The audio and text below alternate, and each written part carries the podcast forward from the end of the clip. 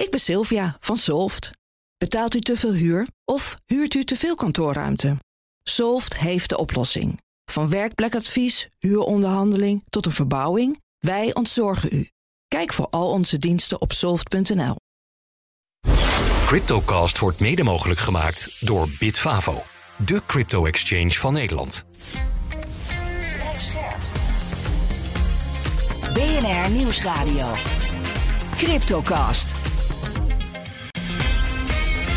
Herbert Blankenstein. Welkom in de Cryptocast met vandaag de Amerikaanse Bitcoin Spot ETF kan nu ieder moment worden goedgekeurd. En analisten kijken vooral naar woensdag. En Prospera, een stad in Honduras, gaat nu ook rekenen in Bitcoin. Dit is Cryptocast 306. Mijn co-host is Daniel Mol. Hoi Daniel. Goedemiddag. Herbert. Redacteur Hallo. van de Cryptocast en van BNR Digitaal. Wij geven geen beleggingsadvies. Vorm je eigen mening.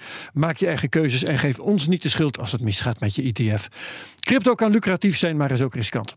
Ehm, die Amerikaanse spot-ETF's, waar we het in de CryptoCast al maanden over hebben, die staan nu eindelijk op het punt om goedgekeurd te worden door de SEC in Amerika. Zelfs de voorzitter van die toezichthouder, Gary Gensler, waarschuwde nu op eh, X voor de laatste maal. Cryptovaluta zijn echt heel volatiel en riskant, zei Gary Gensler. Eh, Daniel, dat is een teken dat het niet lang meer duurt. Het hè? duurt niet lang meer, nee. Nee, Herbert, het is, het is vreselijk. Ik eh, kom niet meer van Twitter af inmiddels. Eh, ik ververs iedere tien Slaap minuten de tijdlijn. Het is, eh, ja, het is erg zwaar. Nee, woensdag moet het echt gaan gebeuren. En volgens mij het laatste papierwerk wordt nu ge- gecontroleerd. En iedereen is er nu al vanuit gegaan. Eerst was het alleen Bloomberg die zei de kans is heel groot. Nu is het ook CNBC, Fox Ja. Business, et cetera. Waarom ben jij hier zo van over je theewater? Nou, eh, kijk, ik laat me natuurlijk ook eh, onwijs meeslepen. Dat realiseer Ja. ik me. Ehm, maar ehm, de- bijvoorbeeld analisten van Bloomberg... Die, die vergelijken dit eigenlijk met bijvoorbeeld de lancering van de allereerste ETF ooit. Dat was SPY, een ETF voor de S&P 500. En eh, GLD, dat was de allereerste goud-ETF in 2004. En die is Mhm. nog steeds de grootste. Nou ja, het is eigenlijk, eh, wordt het vergelijken met de, de soort van de, de adoptie van een nieuwe asset class, namelijk crypto. En Bitcoin is dan de eerste, dus het is wel een momentje. Ja. Historisch. Ja. ja, en als die SEC dan straks het groene licht geeft. ehm, ik kan steeds moeilijker mensen vinden die dat eh, niet geloven. Hè, die nog rekening houden met de mogelijkheid dat dat niet gebeurt. Ehm, wanneer begint de handel dan? Nou, volgens de, volgens de, de, de beste vermoedens is dat 11 januari al, dus aanstaande vrijdag. Hm? Eh, als er dan eh, de facto goedkeuring is, dan zijn er nog wat andere eh, papierwerk dingen die moeten worden afgerond. En dan kan de handel al beginnen, mits alle aanvragers alles klaar hebben staan om direct van start te gaan. Nou, de verwachting is dat vooral de grote jongens dat wel zullen hebben, want er, we, we hebben het hier al maanden over. Ja. Ehm, en dan komen we wel in een bij- bijzondere situatie. Want als we ervan uitgaan dat alle elf de aanvragen worden goedgekeurd. Er zijn elf bedrijven die een aanvraag hebben lopen. Dan gaan ze ook alle elf direct gelijk tegelijk van start. Ja, En dat is best wel een bijzondere zijn er situatie. elf brievenbussen waar geld in kan. Ja, dus de, gewoon elf paarden die als een gek die renbaan opgaan. Ja, mag en ook, ja, en dat- allebei allemaal eh, als eerste willen finishen. Ja, en dat is wel een bijzondere situatie. Zeker. Eh, daar kunnen we nog over speculeren. Maar eerst eventjes. Hè, ehm, er is langzamerhand ook duidelijkheid over de tarieven. Wat die ETF's eigenlijk gaan rekenen. Percentages op jaarbasis. Ja. Aan hun klanten, aan de beleggers. Ja, nou ja, dat is dus een van de manieren waarop je je in zo'n race kan onderscheiden. We gaan allemaal tegelijk van start. En ja, de, de, de, de goedkoopste misschien, die wint Ja. misschien wel. Of Maar met de grootste voordat naam. je daarover hebt, zijn er dan ook nog andere eigenschappen die zo'n ETF aantrekkelijk of minder aantrekkelijk kunnen maken? Nou, ik denk eh, de naam van de aanvrager. Dus ja. bijvoorbeeld een BlackRock. Ja, daar ga je als financieel adviseur in Amerika... stap je natuurlijk sneller in een ETF van BlackRock... dan eentje van bijvoorbeeld Bitwise. Wat een Ja. klein, relatief helemaal? Ja. klein bedrijf is... die alleen maar dingen met, met crypto heeft gedaan in het verleden. BlackRock is natuurlijk ja, de grootste ETF-aanbieder... de grootste vermogensbeheerder van Amerika. Ja, ja, glanzend merk. Ja, dus dat zijn allemaal dingen waar je kan onderscheiden. Maar die kosten zijn er dus ook één. Leg uit. En ja, maandagmiddag, eh, gistermiddag voor ons even nu, eh, ontstond er eigenlijk een heuse prijzenoorlog. De, de definitieve aanvragen kwamen binnenrollen en iedereen, alle grote aanvragers, die waren zichzelf a- die elkaar eigenlijk aan het overtoepen. Het kon steeds een stukje goedkoper, goedkoper. Ehm, nou ja, Fidelity was eigenlijk de goedkoopste tot vorige week. Eh, Ja. 39 basispunten per jaar, was eigenlijk al heel laag. BlackRock kwam daar dus maandag overheen met 30 basispunten. Toen reageerde ARK, 25 basispunten. en Bitwise ging daar nog ietsje onder zitten, 24 basispunten. Nou doen ze ook nog allerlei acties. Dat, Dat je... is dus 0,24% op jaarbasis. Ja, precies, precies. tarief. Ehm, En al deze partijen hebben ook nog allerlei acties, een soort kortingsacties, dat je in de eerste zes of eerste twaalf maanden of de eerste miljard, dat die nog minder betaalt, soms zelfs gratis.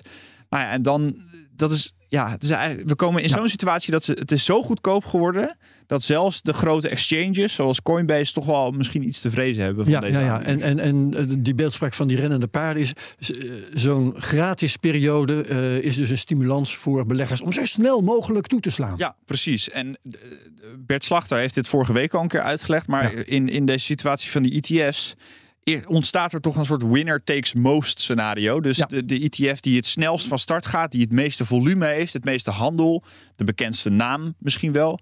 Dat gaat ook de meest aantrekkelijke ETF zijn voor financieel adviseurs, voor beleggers die er niet zoveel verstand van hebben en gewoon voor de grootste kiezen. Ja, Ja. dat Maar als ik nou door mijn zichzelf. oogharen kijk, hè, eh, als je kijkt naar Bitcoin, heeft het een aantal jaren volgehouden om eh, eh, te verdubbelen elk jaar in, in prijs, gemiddeld dan. Hè, dat Ja. gaan allerlei ups en downs, dat weet ik ook wel. Ehm, maakt dan een honderdste procent nog uit in die tarieven? Nou, wel voor eh, financieel adviseurs die, dat, die, die zo gewend zijn om te werken. Sowieso over tien jaar maken, maakt het verschil van, van honderden procenten inderdaad uit. Ja. Ehm, maar ook voor, ja, waarom zou je niet voor de goedkoopste gaan? Eh, Ja, dat, is, ja, dat is eigenlijk de vraag. En BlackRock bijvoorbeeld zit dus op 30 basispunten, is gewoon heel erg goedkoop. En Ja. dat is ook zo, in, de- in de aandelenwereld heb je ook de, de, de, de grote indexen die gevolgd worden met die ETF's. Ja, dan betaal je drie basispunten. En dat is een heel groot verschil eh, dan als je 10 of 15 Ja. basispunten. Wie massaal duurder is dan eh, verder iedereen, is Grayscale. Hoe zit dat? Ja, dat is toch wel een beetje de vreemde eend in de bijt. Het Ja. is het enige bedrijf eh, wat al een zo'n soortgelijk fonds had. Geen ETF voor de duidelijkheid, maar, maar wel een fonds waar je op een. Ja, je kon er wel in, maar niet uit of zo. Ja, en Ja. Op de, je kon aandelen kopen, zeg maar, een, een aandeel kopen waarmee je eigenlijk bitcoin kocht, zeg maar dat, dat verhaal. Daar zaten kosten aan vast, 2%. Nou, dat kunnen ze niet meer volhouden. Ze gaan nu iets naar beneden, anderhalf procent, eh, 150 Ja. basispunten. Dus echt fors hoger dan die grote jongens. Dus zeg ik, iedereen rent weg. Want Nou- je kunt eh, minstens een procent goedkoper. Ja, eh, dat zou je denken. Eh, het zit misschien, ligt misschien iets genuanceerder. Een mogelijke reden kan zijn dat ze eigenlijk er bewust voor kiezen om de concurrentie niet aan te gaan.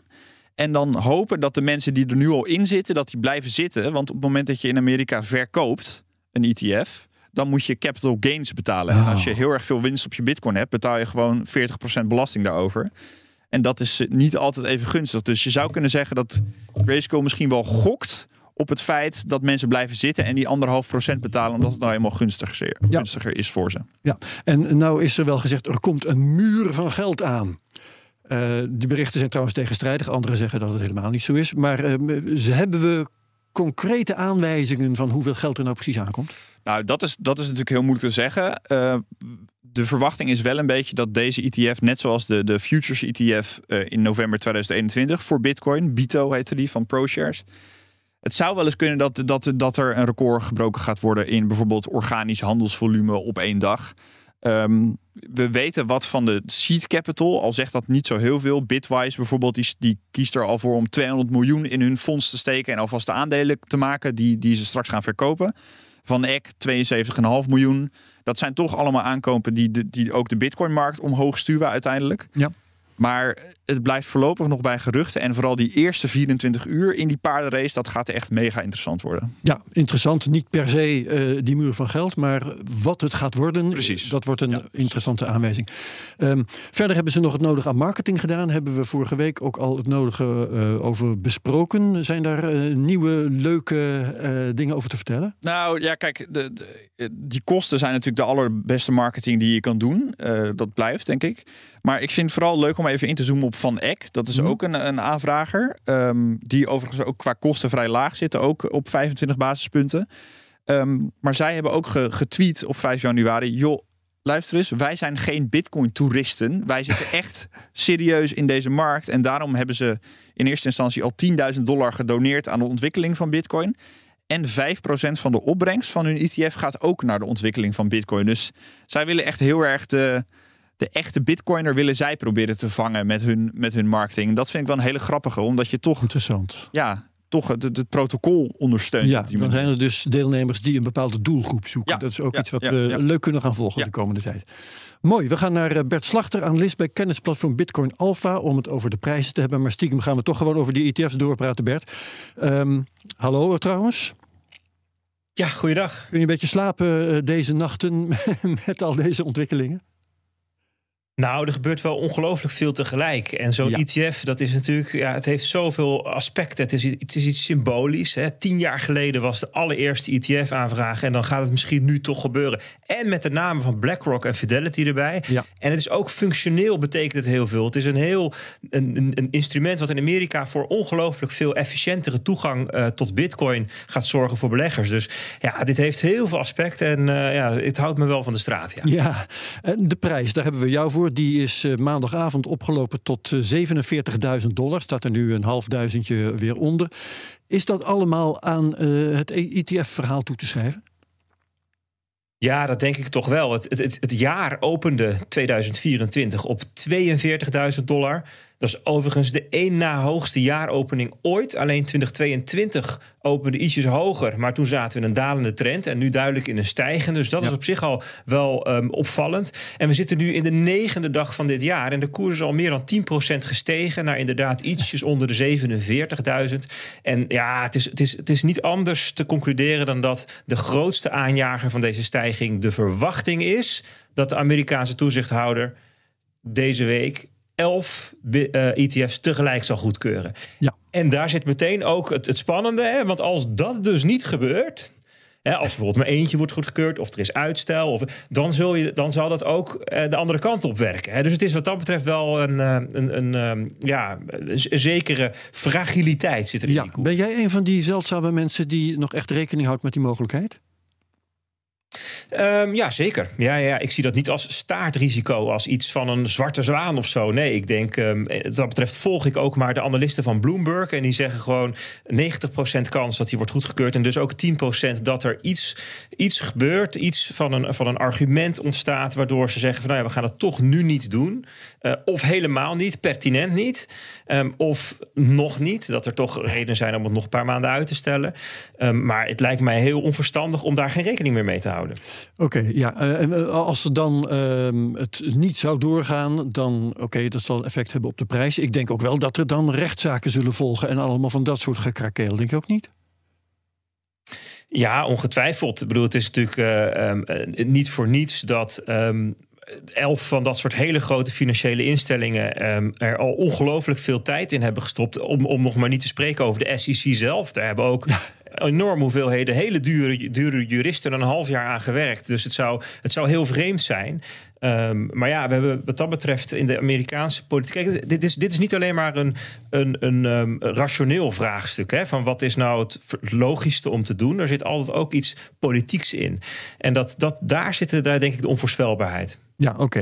Ehm, de, de, de markt wordt gedragen nu eh, door de verwachtingen, maar eh, er is ook een bepaalde volatiliteit die met dit verhaal te maken heeft. Want afgelopen woensdag, toen ging de koers eigenlijk nog even stevig naar beneden, omdat er een of ander rapport verscheen dat zei van nou, eh, het, het kostje van die ETF's is nog helemaal niet gekocht. Wat gebeurde toen precies? Ja, toen was er een analist van een bedrijf van Matrixport. En die schreef dat hij verwachtte dat de SEC alles zal afwijzen. En hij verwees ook naar de politieke banden tussen Gary Gensler, de voorzitter van de toezichthouder, en de Democratische Partij, die op dit moment er nog weinig van moeten hebben.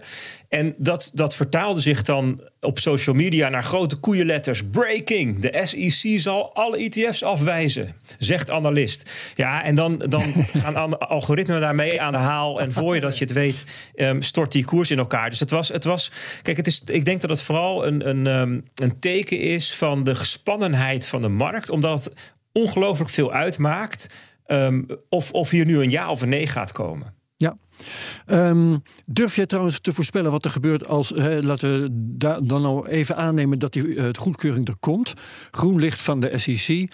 Ehm, nou ja, dan kan de koers als een raket omhoog gaan, want al dat geld komt eraan. De koers kan ook eh, naar beneden, want ze zeggen buy the rumor, sell the news. Wat denk jij? Ja, dit is, dit is letterlijk de one billion dollar question. Ja. Als we dat toch eens zouden weten. Kijk, en het punt is, als je hierover gaat redeneren, dan, ga je, dan moet je gaan nadenken over wat, voor, wat zou er allemaal kunnen gebeuren. En ehm, dan kom je op een eindeloos aantal scenario's uit. Want zelfs groen licht, daar zijn allerlei varianten op te bedenken. Hè, eh, komt er voor alle elf tegelijk, of misschien alleen maar voor ARK Invest? Mm, of, En gaan ze dan donderdag Ark Invest was de eh, eerste. de die heeft, van eh, start. Voor Ark Invest is de echte deadline nu 10 januari. Ja, voor de rest is het pas in maart of nog later. Ja. En, en dan is de vraag: gaan ze dan donderdag, gaat donderdag de handel van start of is dat pas veel later? Hmm. En als de handel dan van start gaat, komt er dan daadwerkelijk een instroom van kapitaalopgang? Of is het alleen maar de speculanten die hun positie afbouwen naar zo'n ETF toe, bijvoorbeeld? En afhankelijk van ja, welk pad dat bewandelt, gaat die koers bepaalde dingen doen. Hè? Het meest voor de hand ligt dat bij een goedkeuring de koers sowieso eerst omhoog gaat. Al is het maar vanwege eh, inderdaad algoritmes en eh, dat soort, soort van reflexmatige reactie. De vraag is, wat gebeurt er daarna? Eh, En dat zal denk ik toch heel erg gaan afhangen van ehm, de, de, de feitelijke instroom van nieuw kapitaal die op gang komt. Daar zijn hele grote, grootse voorspellingen voor gedaan. Maar dat gaat altijd over een periode van de komende jaar of de komende drie jaar. En het, het, gaat nou straks om de vraag... wat gaat er in die eerste weken gebeuren? En ik denk, de, de, de, handigste manier om daarover te redeneren... is daarvoor verschillende scenario's te maken. Als je eh, aan de prijs blootgesteld bent en zegt van... nou ja, als dit gebeurt, dan doe ik dat. En als dat gebeurt, dan doe ik dat. We hebben dat in de Bitcoin Alpha community ook gedaan. Een aantal scenario's gemaakt voor de komende weken. Eh, want, want, want je kunt nu eenmaal niet zeggen.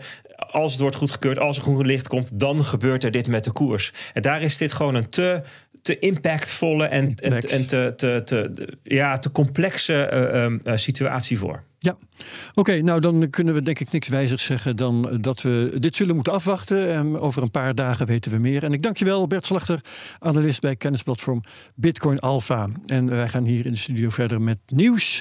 En eh, ja, dat nieuws komt van redelijk ver eh, ditmaal. Even Bitcoin. niet over die ETF hebben. Even, even geen ETF, even, vakantie. ademhalen. Ja, precies. Even naar eh, de subtropen in dit geval.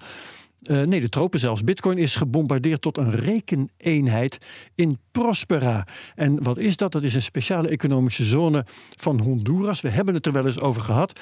Ehm, eh, daar hebben ze Bitcoin eh, eerst al uitgeroepen tot betaalmiddel, geloof ik. Hè? Daar begon het mee. En nu mogen bedrijven en overheden hun diensten ook aanbieden, berekend in Bitcoin. Ja, best bijzonder. Ik zou eerst nog even ons geheugen opfrissen. Wat was dat Prospera ook alweer? Precies, vertel. Eigenlijk moeten we het zien als een experiment ehm, van de regering van Honduras. Ze hebben een eilandje vlak voor de kust, dat heet Roatan. En daar is een stad die heet Prospera. En daar is eigenlijk een soort ja, experiment, eh, experimentencentrum ingericht voor allerlei van dit soort experimenten. Nou, Bitcoin is daar dus ook onderdeel van. Eh, sinds april 2022 is het een eh, wettig betaalmiddel. Ehm, verder hebben we er eigenlijk weinig meer van gehoord. Moet ik Het werd toen bekendgemaakt, herinner ik me, op een Bitcoin-conferentie waar dit eigenlijk het tegenvallend nieuws was. Want Ja, er werd ja. veel mooier nieuws Ja. verwacht. En nou ja, Prospera, wat moeten we daar nou mee? Ja, het, eh, de Samson Mao inderdaad, dat is echt een oud gediende in de Bitcoin-wereld. Die kwam eh, op het podium en die zei: Jongens, ik heb gigantische aankondigingen te doen. en toen noemde hij Madeira, een eilandje eh, zeg maar van Portugal, ook zo'n eh, autonome zone. En Prospera, ja, waar niemand natuurlijk ooit van gehoord had. Maar goed, het is, het is leuk. Ehm, wij hebben het er wel nog een keer over gehad, ook in de zomer van 2022. Eh, toen was er, bleek er heel veel weerstand te zijn naar, voor de crypto-kolonisten die naar Prospera zouden komen van de lokale bevolking van dat de eiland. lokale bevolking moest dat niet. Ja, ehm, daar hebben we ook weinig van gehoord. Nou, eigenlijk, we, ja, Prospera heeft niemand het meer over tot dit nieuws. En dat Nee. is dan wel weer grappig. Ja, ehm, maar eh, als ze Bitcoin dan als rekeneenheid gaan, gaan gebruiken, oké, je mag dan je diensten aanbieden berekend in Bitcoin. Ehm, he- heeft dat gevolgen? Is dat, is dat relevant überhaupt? Ja, nou, het- daar twijfel ik dus een beetje over. Het is natuurlijk eh, interessant dat het kan. Eh, ja, je mag de marktwaarde van bepaalde goederen, van bepaalde diensten bepalen in Bitcoin. Ehm, ik heb hier even over naast te denken en dan kom je toch tot de conclusie: ja, je zou toch alles uiteindelijk toch een beetje relateren aan bijvoorbeeld een dollarprijs voor iets of aan de, de Hondurese lempira, zoals hun eigen valuta Ja, heet. de vraag wordt dan een beetje, eh, gaan ze dan elke dag een andere prijs op de kaartjes zetten? Of, Ja. of wat? Nou ja, daar hebben ze dus wel een afspraak van gemaakt. eh, afspraak mee gemaakt. Want je moet elke keer netjes de koppeling maken met bijvoorbeeld een Coinbase of een Kraken, grote Bitcoin exchanges. Mhm. eh, waarbij de prijs toch altijd gekoppeld blijft aan dollars. Ehm, Ja, en natuurlijk welke, eh, denk ik ook even aan El Salvador, hè, waar Ja. bitcoin wettig betaalmiddel is, maar bijna niemand het gebruikt. Welke ondernemer gaat dit doen? Zijn prijzen vermelden in bitcoin. Het hoeft natuurlijk niet. Nou ja, de, de echte be- believer misschien. En nou ja, kijk, ik denk Die zijn dat dit- schaars, Daniel. Jazeker. En misschien op Prospera zijn er wel heel veel. Dat, dat zou Dat kunnen. zou, ja. Ehm, maar ja, het, het, het, is, het is toch een volgende stap in een soort financiële vrijheid. Dat mensen dit, mensen dit kunnen doen. Ja. Ehm, en ja, één iemand moet de eerste zijn. En dat, dat is natuurlijk heel erg moeilijk om dat balletje aan het rollen te krijgen. Dat, dat blijkt maar weer. Ja. Ehm, Dus wel weer interessant en spannend en een primeur. ja, zeker. Ja, wat ze niet kunnen daar, begrijp ik, is belasting betalen met bitcoin. Ja, ja, het is eigenlijk net als in Nederland. Eh, ook daar is het eh, ingewikkeld om de belastingssysteem zeg maar, aan te passen. Hier in Nederland hebben we gewoon heel veel legacy software. Ik weet niet hoe- hoe dat in Honduras zit, maar feit is wel dat ze niet zomaar de rekeneenheid van bijvoorbeeld Lempira, zoals de valuta daar heet, naar bitcoin kunnen veranderen. En daardoor kunnen transacties en belastingen niet uitgedrukt worden in bitcoin. Ehm, het is niet dat ze het niet willen, dat wordt er expliciet bij gezegd, maar het kan gewoon nog niet technisch. Nou ja, dan moeten we daar maar weer op wachten. Ja. Overmacht. Ja. Ehm, El Salvador en bitcoin, daar hebben we het vorige week nog over gehad. Ehm, ik herinner me ook de Centraal-Afrikaanse Republiek, eh, wat een Ja. beetje een roemloos einde Ja, heeft. dat werd een drama, ja. ja. Zijn er nou nog andere gebieden op aarde waar bitcoin wettig betaalmiddel is? Nou, ik noemde net Madeira. Ja. Eh, dat is een eilandje dat onder Portugal valt. En die, die zijn er ook wel serieus mee bezig. Ehm, ja, daar komt bijvoorbeeld recent, las ik nog, dat er een Bitcoin Business Hub komt. Dus daar zijn ze echt aan het proberen aan het uitbouwen wat, wat Bitcoin betreft. Ja, dat, er moet iets van business komen in Bitcoin, oké. Ehm, er komt een heel groot Bitcoin-evenement op Madeira. Dat heet Bitcoin Atlantis. Waar echt hele grote sprekers komen. Jack Dorsey, oprichter van Twitter, nu ook echt overtuigd Bitcoiner. Wanneer? Eh, in maart, 1 maart. Oké, gaan we in de gaten houden. Ja, Adam Beck, een van de eerste bitcoiners eh, ooit. En Michael Saylor, dat is eh, de persoon die honderden miljoenen, miljarden in, in bitcoin aan het steken is. Met Ja. MicroStrategy. Ja, dat is interessant. En Ja. ja. als we het dan hebben over andere plekken. Centraal-Afrikaanse Republiek, dat is eigenlijk eh, een soort doodgeboren idee geworden. Dat is nooit van de grond gekomen. En ze hebben daar gewoon een burgeroorlog. Dus Oké, nou, eh, andere landen zijn eh, wat, wat dat betreft welkom om zich bij ons te melden. Eh, we rekenen nergens op. Ehm, we hebben zo direct een podcast op te nemen. Wat gaan we daar ook weer doen? Ja, we hebben Bram Kanstein in de studio. En eh, hij maakt een podcast. Dat heet Bitcoin voor Millennials. En dat vond ik wel interessant. Die heeft zijn Engelstalige podcast overigens van een Nederlander. Dus die doen het, hij doet het iets anders dan wij. Ehm, maar hij kiest expliciet voor, voor de millennial als, doel, als Ja, doelgroep. dat zijn de dertigers tegenwoordig, hè, zo Ja, ongeveer. ja, een beetje Ja. zoals ik. Ik ben 29 en ik reken mezelf eh, millennial. Ehm, ja, dat is best interessant. En hij, hij kiest ervoor om echt, eh, echt bitcoiners te interviewen. Allemaal Engelstalig. Hele grote namen heeft hij ook al weten te strikken voor zijn show. En we gaan het gewoon met hem eens hebben. Waarom kiest hij specifiek om zich op die doelgroep te richten? En wat is nou zijn visie op bitcoin? Want hij is overtuigd. Ja, en een van de eh, laatste gasten was, eh, zag ik toevallig, eh, prins Filip van Servië, troonpretendent al daar. Ja, ja nee, En ook een bitcoin-naam, hè? Precies, ja, zeker. Dat is, dat, hij is ook overtuigd bitcoiner en hij is bezig om ook een nazistaat-adoptie te krijgen met bitcoin. En ja, de Servië heeft al heel lang geen koning meer, dus het is vooral prins ja, als, als, een, als aanhef, Ja. maar verder niet. Eh, maar inderdaad, heel leuk gesprek. Die heb ik ook met veel plezier geluisterd. Dus we gaan het hem eh, allemaal vragen. Prachtig. Tot zover de Cryptocast op BNR. Dankjewel Daniel Mol als mijn co-host deze keer. Wie meegaat naar die podcast, heel graag doen zou ik zeggen. Maar mocht dat niet lukken, dan is het ook prima. En dan zien en horen we je graag terug bij de volgende eh, Cryptocast volgende week op BNR. Dag. Cryptocast wordt mede mogelijk gemaakt door Bitfavo, de crypto-exchange van Nederland. Ik ben Sylvia van Solft. Betaalt u te veel huur of huurt u te veel kantoorruimte? Solft heeft de oplossing. Van werkplekadvies, huuronderhandeling tot een verbouwing, wij ontzorgen u. Kijk voor al onze diensten op soft.nl.